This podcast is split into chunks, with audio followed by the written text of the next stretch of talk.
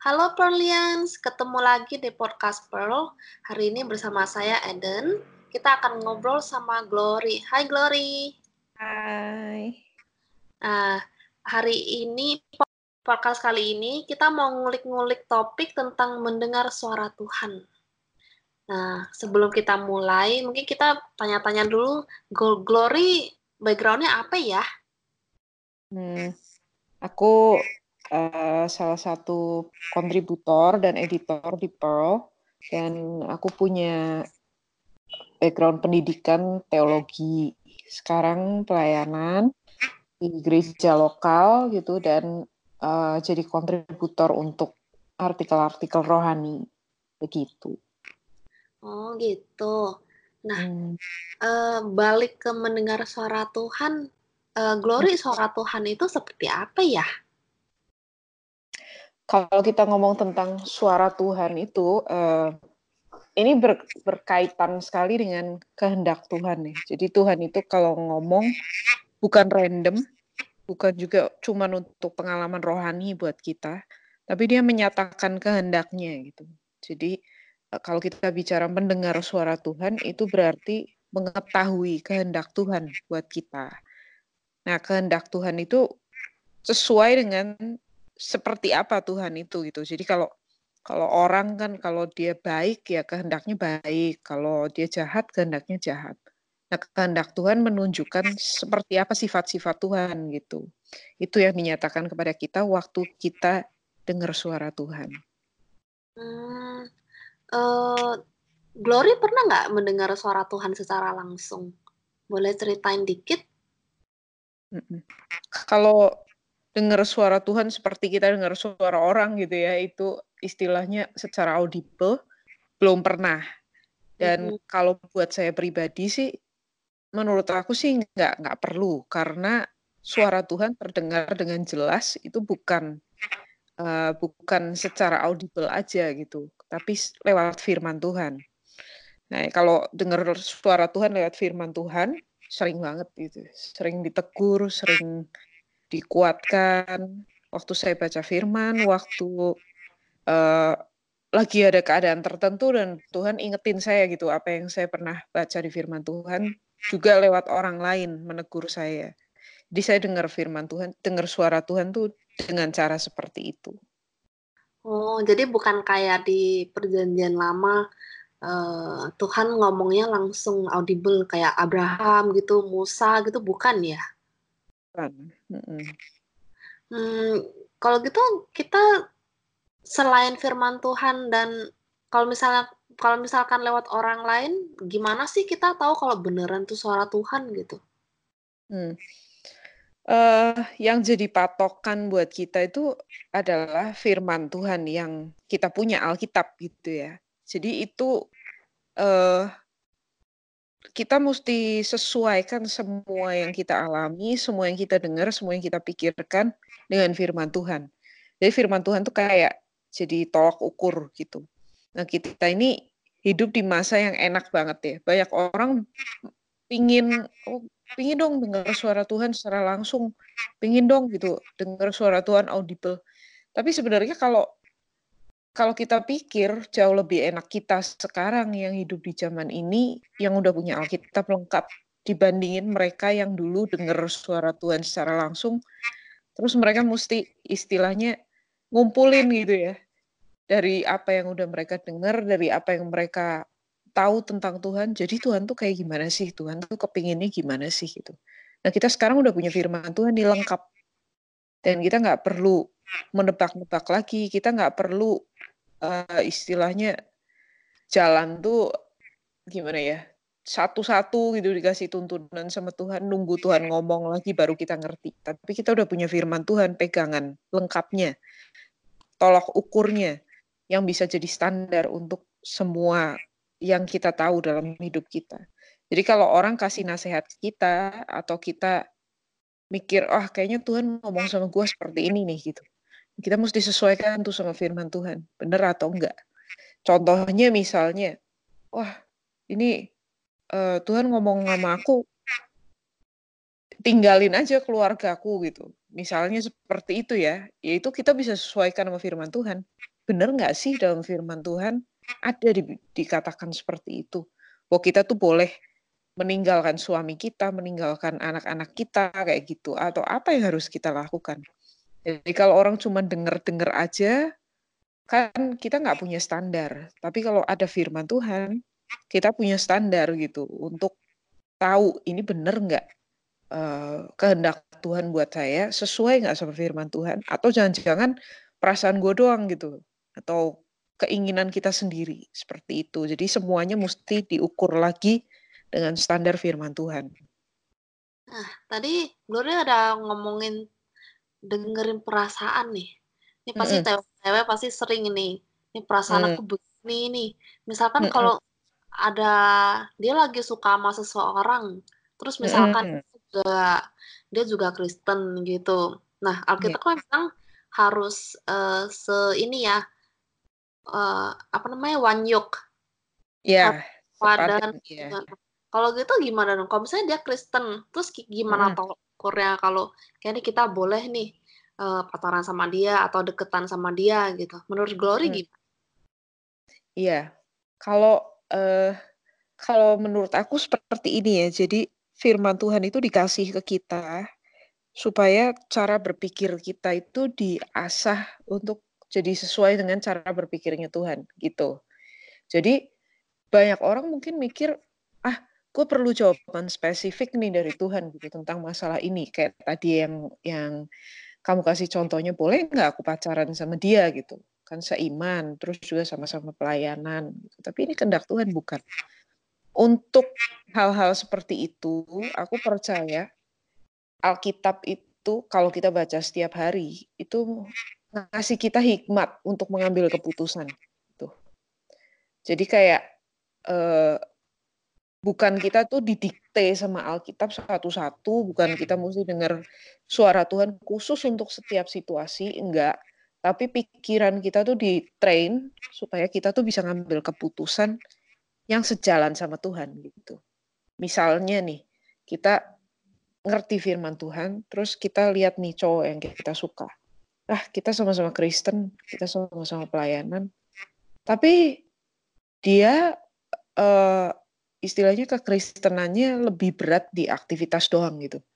Misalkan gaya hidupnya kita lihat ya mungkin dia orangnya uh, nggak nggak bertanggung jawab dalam kehidupannya atau dia nggak hormat sama orang tuanya atau dia banyak ngabisin waktunya sia-sia. Dan dari situ kita ngeliat gitu oh orang ini nggak memprioritaskan Tuhan dalam kehidupannya atau orang ini belum siap untuk punya komitmen yang serius. Dan dari situ kita bisa ambil keputusan gitu jadi uh, apa namanya ya kita pikiran kita tuh udah terasah gitu karena kita sering baca firman Tuhan kita belajar kehendak Tuhan. Jadi kita ngerti ini ini ini, ini yang mesti diperhatiin kalau kita mau mikir tentang pasangan hidup gitu. Jadi Tuhan nggak harus dikte ke kita si ini boleh si itu nggak boleh kayak gitu. Nggak harus seperti itu. Tapi kita bisa ngambil keputusan yang sekiranya sesuai dengan kehendak Tuhan gitu. Berarti uh, bukan cuman dengerin perasaan, terus juga perlu baca firman, terus uh, buka mata dan kuping lebar-lebar ya Glo ya. Iya betul sekali. nah, jadi kalau uh, apakah semua orang tuh bisa mendengar suara Tuhan ya, atau cuman hamba Tuhan aja kayak pendeta gitu dong ya? Hmm. Kalau pertanyaannya uh, apakah semua orang bisa dengar suara Tuhan? Saya yakin sih bisa. Iya, gitu. Kalau yang dimaksud apakah semua orang bisa dengar suara Tuhan secara langsung, secara audible? Kalau buat saya jawabannya itu anugerah ya dari Tuhan. Jadi Berarti, ada orang yang ah, audible. Berarti ada orang yang bisa dengar secara audible ya? Mm -mm. Itu tergantung kebebasan Tuhan ya. Kalau Tuhan mau ngomong sama dia, mau memberi dia pengalaman khusus gitu ya, dia mungkin bisa. Mungkin aja orang itu mendengar suara Tuhan. Kayak kita sering ya dengar orang kesaksian, wah lagi kondisi seperti ini tiba-tiba dia dengar suara Tuhan, jangan takut gitu. Nah itu anugerah Tuhan itu momen-momen khusus. Tapi di luar itu, kalau apakah semua orang bisa dengar suara Tuhan lewat firman Tuhan, lewat Alkitab, lewat khotbah? Iya, semua orang bisa dengar suara Tuhan gitu. Caranya mengasah supaya uh, kita bisa tahu dengar suara Tuhan itu caranya gimana ya? Jadi kalau uh, untuk mengenali suara Tuhan, seperti kita belajar buat mengenali sesuatu gitu ya. Hmm. Mungkin lebih tepatnya ngerti kehendak Tuhan, ngerti cara berpikirnya Tuhan. Itu kita mesti familiar dengan apa yang Tuhan katakan gitu. Dan itu berarti nggak ada cara lain kita mesti familiar dengan firman Tuhan yang sudah dinyatakan buat kita yaitu Alkitab. Ketika kita baca firman Tuhan, kita mendisiplin diri nih buat setiap hari baca Alkitab, setiap hari cari tahu gitu ya isi firman Tuhan. Lama-lama kita familiar sama apa yang dikatakan di firman Tuhan. Dan kita langsung ngerti waktu ada sesuatu yang salah gitu. Seperti misalnya kalau kita ngerti barang asli ya, misalnya nih uh, teman-teman yang suka barang branded gitu, tas yang branded, tahu ciri-cirinya. Oh ini misalnya gambarnya monogramnya nggak boleh kepotong, bentuknya pasti seperti ini, ada standar-standar begini dan seterusnya. Waktu kita ngerti yang asli, begitu kita lihat barang palsu, kita langsung tahu ini fake gitu, ini palsu. Sama juga dengan suara Tuhan. Kalau kita kenal suara Tuhan yang dinyatakan dalam Alkitab, kita nggak akan ketipu waktu ada yang ngomong, eh, gue denger nih suara Tuhan buat kamu gitu uh, Tuhan ngomong begini-begini. Tunggu dulu ini nggak sesuai nih sama firman Tuhan gitu. Jadi kita bisa langsung mengenali. Atau misalnya kita dalam tanda kutip ditipu sama suara hati kita sendiri gitu ya. Ah ini nggak apa-apa kok, ini oke okay kok, ini tujuannya baik kok gitu. Tapi firman Tuhan akan mengungkapkan kepada kita, hati-hati loh, kamu pikiran kamu menipu diri kamu sendiri gitu. Jadi uh, kita mengasah diri kita untuk familiar dengan Alkitab sehingga waktu kita uh, harus mengambil keputusan apakah ini benar suara Tuhan atau enggak, kita ngerti mana yang asli. Seperti itu. Hmm. Uh, tadi Glory kan ada bilang uh, lewat firman Tuhan ya, Glory pernah mendengar suara Tuhan gitu. Mm -mm. kasih contoh pengalamannya nggak ya? Mungkin teman-teman bisa relate gitu. Mm-mm. Pengalaman yang saya ini bang uh, sering banget ya, sering banget itu ini dalam hubungan dengan suami sih, jadi dalam rumah tangga. Mm. Saya ini dari sananya orangnya independen gitu, terus juga kebiasaan hidup mandiri gitu ya. Dan waktu menikah saya pikir saya ini ah aku ngerti lah firman Tuhan gitu, aku ngerti lah gitu uh, apa apa yang Tuhan mau dalam hidupku. Tapi waktu prakteknya dalam kehidupan pernikahan ternyata sering banget terjadi di mana uh, aku nggak bisa mempraktekkan firman Tuhan gitu. Aku nggak ngerti gimana caranya. Misalnya ada konflik sama suami, waktu lagi di tengah-tengah lagi berantem nih ya ceritanya lagi lagi adu argumen. Uh-uh. Itu aku ingat firman Tuhan. Istri tunduklah kepada suamimu. Jadi waktu itu aku tek gitu. Wow, aku lagi nggak tunduk nih sama suami gitu. Jadi Tuhan mengingatkan aku, menegur aku on the spot gitu ya. Dengan firman Tuhan yang sudah berkali-kali aku baca. Tapi selama ini aku nggak tahu bagaimana mempraktekannya gitu. Nah, waktu Tuhan ingetin, uh, langsung gitu ya, aku diem, nggak nggak aku terusin perbantahannya dan terus aku mikir, "Oke, tunduk sama suami, ini waktunya mempraktekkan kayak gimana tunduk sama suami, seperti seperti apa menghormati suami," gitu. Nah, itu firman Tuhan bicara ke aku, aku dengar suara Tuhan dari firman yang sudah aku baca berkali-kali, di waktu aku membutuhkan itu. Jadi waktu aku lagi lagi berantem lupa nih sama firman Tuhan, tiba-tiba Roh Kudus ingetin gitu ya. Tunduk sama suami kamu. Nah, itu salah satu contoh dari banyak hal yang lain lah yang kita bisa alami dalam hidup sehari-hari. Berarti firman Tuhan itu muncul di hati kita eh, pada saat yang tepat ya. Iya, betul sekali. Berarti um, kalau untuk bisa mengingat firman Tuhan itu berarti kita mesti hafal ayat Alkitab banyak banget dong ya? uh, sebenarnya kalau kita inisiatif ngafalin ayat Alkitab ya itu bagus banget sih. Cuman aku aku percaya gitu ya bahwa kadang-kadang kita baca Alkitab, aku ah, nggak ngerti nih maksudnya apa sih gitu. Atau aduh susah banget sih mau ngapalin gitu ya udah secara udah tua udah gede gitu. Tapi aku percaya kalau kita baca Alkitab itu pada waktunya nanti Tuhan akan ngingetin gitu. Kan waktu misalnya kayak tadi contoh yang aku kasih lagi berantem sama suami, mana kepikiran kan ayat-ayat Alkitab gitu. Kita nggak yang, aduh, gue sebel banget nih. Coba Alkitab bilang apa sih tentang hubungan sama suami? Kan nggak ada nggak iya. ada istri yang mikir begitu waktu lagi berantem. Tapi iya. Tuhan ngingetin gitu.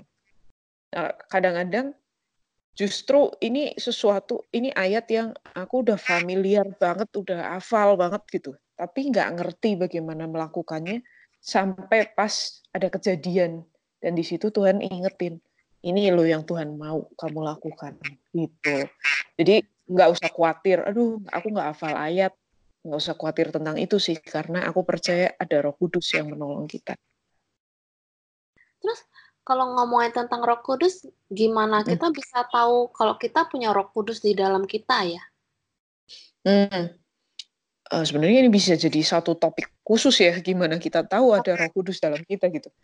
Cuman yang paling paling mendasar adalah di dalam hati kita itu ada keinginan untuk melakukan kehendak Tuhan dan ada kemampuan buat melakukan kehendak Tuhan. Nah dua hal ini nggak ada di dalam orang yang nggak punya Roh Kudus. Mereka pinginnya hidup menyenangkan diri sendiri. Dan mereka kalau misalnya eh sabar jangan berantem gitu ah mana bisa gue udah ya seperti itu ya orang sabar juga ada batasnya nah jawabannya seperti itu yang menyenangkan diri mereka sendiri tapi kalau orang punya roh kudus di dalam dirinya dia ingin melakukan firman Tuhan walaupun marah firman Tuhan bilang tahan gitu ya jangan uh, setiap orang lambat untuk berkata-kata lambat untuk marah cepat untuk mendengar dan waktu diingetin firman Tuhan itu dia Oke, aku mau nih melakukan ini. Tuhan, aku mau lambat buat marah gitu, tapi cepat buat mendengar. Ada keinginan buat melakukan firman Tuhan. Dan terus yang berikutnya ada kemampuan buat melakukan firman Tuhan. Karena Roh Kudus yang nolong kita. Firman Tuhan kan bilang buah roh itu kasih, sukacita, sejahtera, kesabaran, dan seterusnya. Jadi Roh Kudus yang ada di dalam kita itu berbuah, menghasilkan karakter yang nyata gitu yang bisa kelihatan sama orang lain. Oh, ini orang melakukan firman Tuhan. Seperti itu. Jadi sebenarnya kita bukan mengandalkan diri sendiri ya. Ada Roh Betul Kudus bantu kita ya. Hmm, betul. Gimana sih bedain suara Tuhan sama suara hati nurani kita sendiri? Hmm. Sebenarnya sih hati nurani itu uh, kayak indikator ya bahwa kita ini melakukan sesuatu yang benar atau sesuatu yang salah. Nah, masalahnya setelah manusia jatuh ke dalam dosa, hati nuraninya dia mengalami dua hal. Jadi meleset atau jadi telat gitu, nggak berkuasa gitu di dalam kehidupan kita. Jadi orang tuh nggak nggak nggak bisa lagi menahan dirinya untuk melakukan sesuatu yang benar gitu, untuk nggak nggak berbuat salah gitu. Nah, kadang hati kita mengarahkan kita ke hal yang salah. Misalnya nih, udah menikah, terus dalam pernikahan ada masalah gitu ya, terus hambar rumah tangga. Terus habis itu kita ketemu deh sama cowok lain, yang perhatian, yang sayang gitu. Terus kita jadi ngerasa ah, gue lebih disayang sama dia daripada sama suami gitu. Aku merasa dicintai gitu. Udahlah, ngikutin hati aja hati cinta sama dia ya udah tinggalin aja suami buat sama si cowok itu gitu. nah di situ hati hati menyesatkan kita hati kita nggak sesuai dengan firman Tuhan hati kita nggak berjalan sesuai fungsinya gitu loh yang mestinya ngingetin kita akan apa yang salah kita malah jadi salah gara-gara hati kita gitu nah uh, bedanya dengan suara Tuhan adalah Tuhan itu konsisten dengan sifat-sifatnya gitu ya. Jadi Tuhan nggak akan ngarahin kita kepada sesuatu yang berdosa. Tuhan nggak akan mengarahkan kita ke sesuatu yang cuma menyenangkan diri kita sendiri. Tapi Tuhan pasti ngarahin kita ke apa yang menyenangkan dia, apa yang baik, apa yang berkenan kepada Allah, apa yang sempurna, hal-hal seperti itu. Jadi bisa dibilang Tuhan itu konsisten, sementara hati kita berubah-ubah gitu, sesuai mood kita, sesuai keadaan kita gitu. Dan uh, kita mesti kalau sampai suara Tuhan bertentangan dengan suara hati kita, udah pasti yang benar Tuhan gitu. Kan balik lagi ke tadi gimana kita tahu ini suara Tuhan? Oh, ini sesuai sama Alkitab gitu. Ini sesuai sama firman Tuhan. Nah, di situ kita bisa ngecek apakah hati kita ini sesuai nggak sama firman Tuhan. Kalau enggak, ya berarti kita mesti ikutin firman, jangan ikutin hati kita. Dan semakin kita kenal sama firman Tuhan, semakin kita ngerti kehendak Tuhan, hati kita itu diajarin gitu untuk ngikutin apa yang jadi maunya Tuhan. Dan kalau orang udah lahir baru nih, dia dikasih hati yang baru sama Tuhan dan hatinya itu akan ingin untuk ngikutin firman Tuhan. Kayak yang tadi kita udah bahas ya.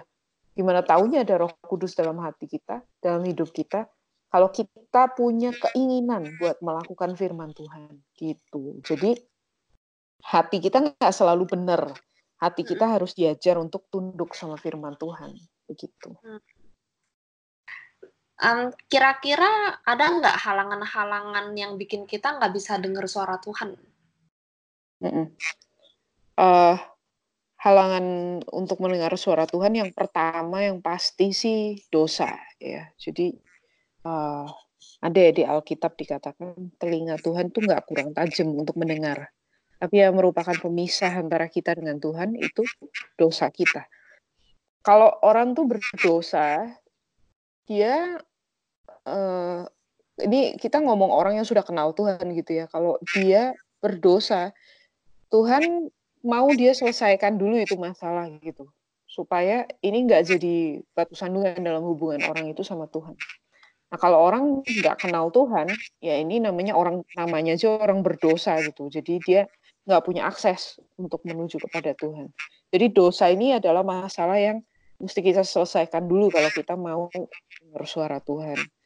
Kemudian uh, mungkin kalau dari pengalaman aku, hal lain yang menghalangi kita dengar suara Tuhan itu kadang-kadang uh, keinginan kita sendiri ya. Jadi kita udah punya, kita udah condong ke sesuatu gitu dan terus kita minta Tuhan bukan menyatakan kehendaknya, bukan menyatakan jawabannya, tapi Tuhan itu setuju dengan keinginan kita. Nah kalau udah begitu ya, kalau Tuhan jawab enggak gitu, kita oh Tuhan tapi begini Tuhan tapi begini. Nah kita ngotot kita merasa belum dapat jawaban dari Tuhan gitu. Padahal Tuhan sudah menyatakan kehendaknya gitu. Jadi uh, ini ini yang ini penghalang yang besar sih. Hal-hal lain mungkin kalau kita lagi minta jawaban Tuhan untuk sesuatu yang spesifik kita nggak berdoa atau kita nggak serius gitu dalam minta kepada Tuhan kita nganggap itu ya udahlah kalau dijawab ya syukur enggak ya sudah. Nah Tuhan mau kalau kita nanya sesuatu yang spesifik ke dia kita sungguh-sungguh gitu di dalam doa kita itu mungkin itu sih ya. Um, kalau gitu sebenarnya sewaktu kita meminta jawaban dari Tuhan selain kita baca firman sendiri perlukah kita nanya konfirmasi dari orang lain gitu misalkan um, ibu gembala atau senior di Bible study misalkan? Uh, mungkin ya itu itu bisa berguna sekali sih ya. Soalnya mereka kan lebih dewasa dari kita secara kerohanian juga pengetahuannya mungkin lebih gitu ya. Jadi bisa juga itu jadi salah satu cara Tuhan jawab gitu untuk menyatakan kehendaknya buat kita. Jadi memang uh, kalau dari pengalaman aku juga kadang-kadang Tuhan ngomong lewat orang lain. Tapi apa yang dikatakan orang itu sesuai dengan firman Tuhan gitu. Kembali lagi. Jadi oh iya ya dia ngomong begini, iya bener ya, ini ini sesuai nih sama firman Tuhan. Iya, aku nggak kepikiran nih sampai ke situ gitu, tapi Tuhan bukakan pikiran kita lewat orang lain. Bisa juga uh, Tuhan kasih tanda lewat orang lain. Contoh waktu dulu aku mau pacaran gitu sama suami sekarang nih, uh, aku minta tanda dari Tuhan. Tuhan, tolong aku perlu tak perlu jawaban dari Tuhan nih secara khusus. Tanda yang aku minta adalah izin dari orang tua gitu. Jadi kalau mereka kasih izin, berarti ini dari Tuhan. Nah terus aku ngomong sama orang tua, ah mah ini ada begini begini begini, gimana kalau kami jadian gitu. Terus mereka oke, okay, nggak apa-apa. Oh ya udah berarti dari Tuhan gitu. Seperti itu. Ya kalau misalkan orang tua bilang enggak jadi Glory langsung ini ya berarti bukan dari Tuhan gitu ya. Iya soalnya kan sudah minta secara khusus ya Uh, kalau orang tua nggak turun izin nggak bisa dilanjutin dong hubungannya gitu. Hmm. Itu Glory uh, berdoanya berapa lama ya? Oh, untuk pasangan hidup gitu? uh, untuk yang yang yang suami yang ini, yang ah. yang mau jadian gitu, kan proses pasti ada prosesnya dong? Iya, uh uh, aduh berapa lama ya? Sebentar doang sih, soalnya konteksnya kami udah kenal lama. Jadi hmm. saya udah ngerti ini orangnya kayak gimana gitu. Orang tua juga tahu. Terus ya udah kita doain kira-kira sebulan kali ya. Hmm. Berdoa dan berpikir Oh, oke oke. Um, yang tanda itu apa tadi gimana? Kenapa? Yang yang kamu Oh. bilang tanda-tanda itu? Minta minta tanda dari Tuhan. Bisa nggak kalau misalnya kita kita lagi punya pergumulan khusus gitu, terus kita minta, uh, "Tuhan kasih tanda dong, ini kehendak Tuhan atau bukan?" Gitu. Oh. Oke oke oke, aku tanya ya. Mm Uh, Glu, kalau kita punya pergumulan-pergumulan khusus nih, apa sih tanda mm -hmm. Tuhan kalau udah menjawab doa kita? Uh, kadang kita punya uh, apa ya pertanyaan khusus atau permintaan khusus ke Tuhan kayak yang tadi aku kasih contoh Tuhan ini aku mau jadian nih sama si cowok ini gitu gimana apa kehendak Tuhan, bener nggak ini kehendak Tuhan. Nah, aku aku rasa kita boleh ya minta tanda sama Tuhan. Uh, kok ngasih tanda seperti ini Tuhan gitu. Misalnya nih, misalnya kita mau mau ada proyek pekerjaan tertentu gitu. Terus Tuhan kita masih ragu-ragu ini dari Tuhan bukan ya? Tolong Tuhan kasih tanda. Nah, kita bisa minta tanda secara khusus. Misalnya, kalau ini bukan dari Tuhan, tolong supaya dalam prosesnya persiapannya ini nggak berhasil gitu. Ada halangan-halangan gitu. Kalau ini dari Tuhan, tolong buka jalan supaya semuanya lancar. Nah, kita bisa minta tanda seperti itu. Jadi waktu apa yang kita minta itu terjadi, kita tahu, oh iya ini berarti kehendak Tuhan. Atau, oh ini bukan dari Tuhan nih, soalnya dipersulit gitu. Jadi kita bisa minta tanda-tanda seperti itu sama Tuhan. Itu nggak salah ya. Tapi kalau uh, uh, minta tanda seperti itu biasanya kan untuk hal-hal yang spesifik aja gitu. Kalau untuk hal-hal yang general, gimana kita tahu apa kehendak Tuhan dalam hidup kita, gimana kita melakukan apa yang sesuai sama keinginan Tuhan, ya kita harus belajar buat mempertajam diri kita dalam firman Tuhan gitu. Jadi kita bisa ngambil keputusan yang benar.